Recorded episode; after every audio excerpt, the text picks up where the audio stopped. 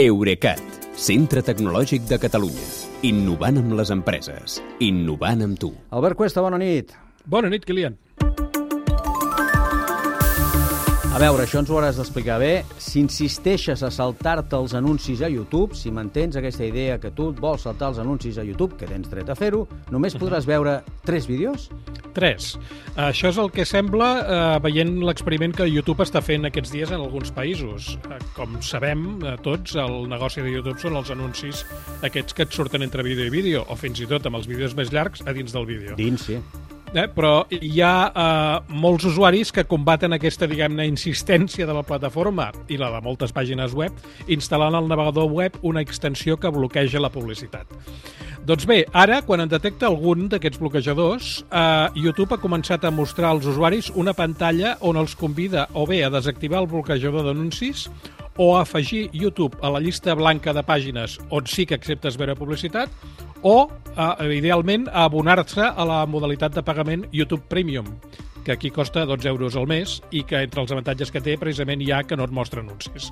Si no fas cap de les tres coses, t'hauràs de conformar amb mirar això que dèiem, tres vídeos i prou. Tres. Tres i prou. Aquesta voluntat de facturar per serveis, que fins ara no pagàvem amb diners, també és cada dia més evident a l'altre, eh? a Twitter. Uh, a Twitter. En els últims mesos hem explicat com l'amic Musk, Elon Musk, s'esforça a fer rendible la xarxa social. Uh, per una banda, cobrant a les aplicacions de tercers per accedir a la plataforma o, per l'altra, als usuaris, uh, reservant les noves funcions als abonats de la modalitat de pagament aquesta, en Twitter Blue. Sí. L'última acció en aquest sentit de Musk és d'avui mateix. A partir d'ara no podràs llegir tuits ni perfils si no t'has identificat abans amb les teves credencials d'usuari de Twitter. Vull dir que si entres a Twitter de manera anònima, com fa molta gent Molta. que no té compte d'usuari, perquè Twitter té 300 milions d'usuaris, hi ha molta gent, coneixem molt... Nosaltres el tenim tots, però ja la majoria la gent no té Twitter. Uh -huh. uh, I doncs la gent que no té compte d'usuari, el que fa és quan li envien un enllaç a un tuit o troba un tuit incrustat en un article que està llegint i fa clic. Doncs ara, aquesta gent que no tenen compte d'usuari, el sistema els envia a la pàgina de Twitter on, on t'has de donar d'alta. Per tant, no el veuràs si no estàs donat d'alta. Això Mhm. fa pinta de voluntat de captar més usuaris. Uh, això segur, però també el que pretén és una altra cosa més, diguéssim, civilina, que és rastrejar millor els usuaris per fer-ne un perfil més detallat i poder vendre així anuncis més personalitzats, que són els més cars. I si Twitter no sap qui ets, li costa molt més rastrejar-te. Aquesta mesura és molt dràstica, perquè la mateixa Twitter reconeixia fa uns mesos que la meitat del trànsit que rep el generen usuaris precisament sense identificar, sigui perquè no estan donats d'alta a Twitter o perquè no ho, ho estan però no s'han identificat. D'una manera o altra, totes les plataformes digitals van posant peatges per accedir-hi, eh? Totes, eh, perquè, aviam, siguem realistes, la infraestructura i el contingut s'han de pagar.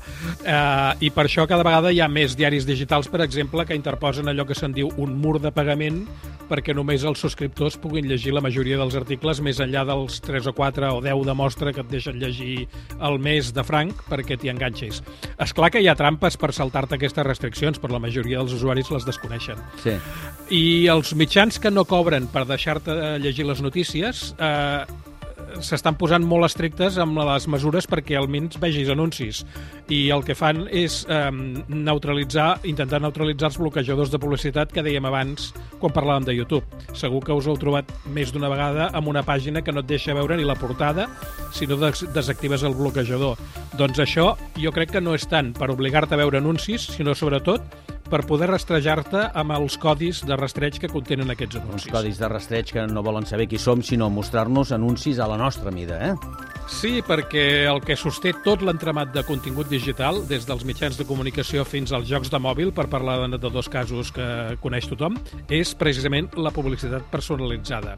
Fins ara, aquest mercat, qui el domina són Google i Meta, però eh, resulta que qui vol ficar-hi també la cullera són les telefòniques. Eh, fa poques setmanes que ha començat a funcionar a l'Estat una plataforma que es diu UTIC, tal com sona, que és un sistema d'intermediació publicitària que promouen Vodafone, Orange, Telefònica i Deutsche Telekom i que el que fa és prometre anuncis personalitzats que al mateix temps siguin respectuosos amb la privadesa dels consumidors perquè s'han de donar d'alta dient vull rebre anuncis que m'expliquin, que em vulguin vendre això, això i això altre, i en canvi això altre no.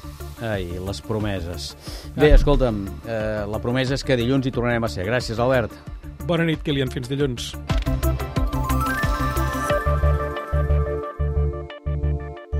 Eurecat, centre tecnològic de Catalunya.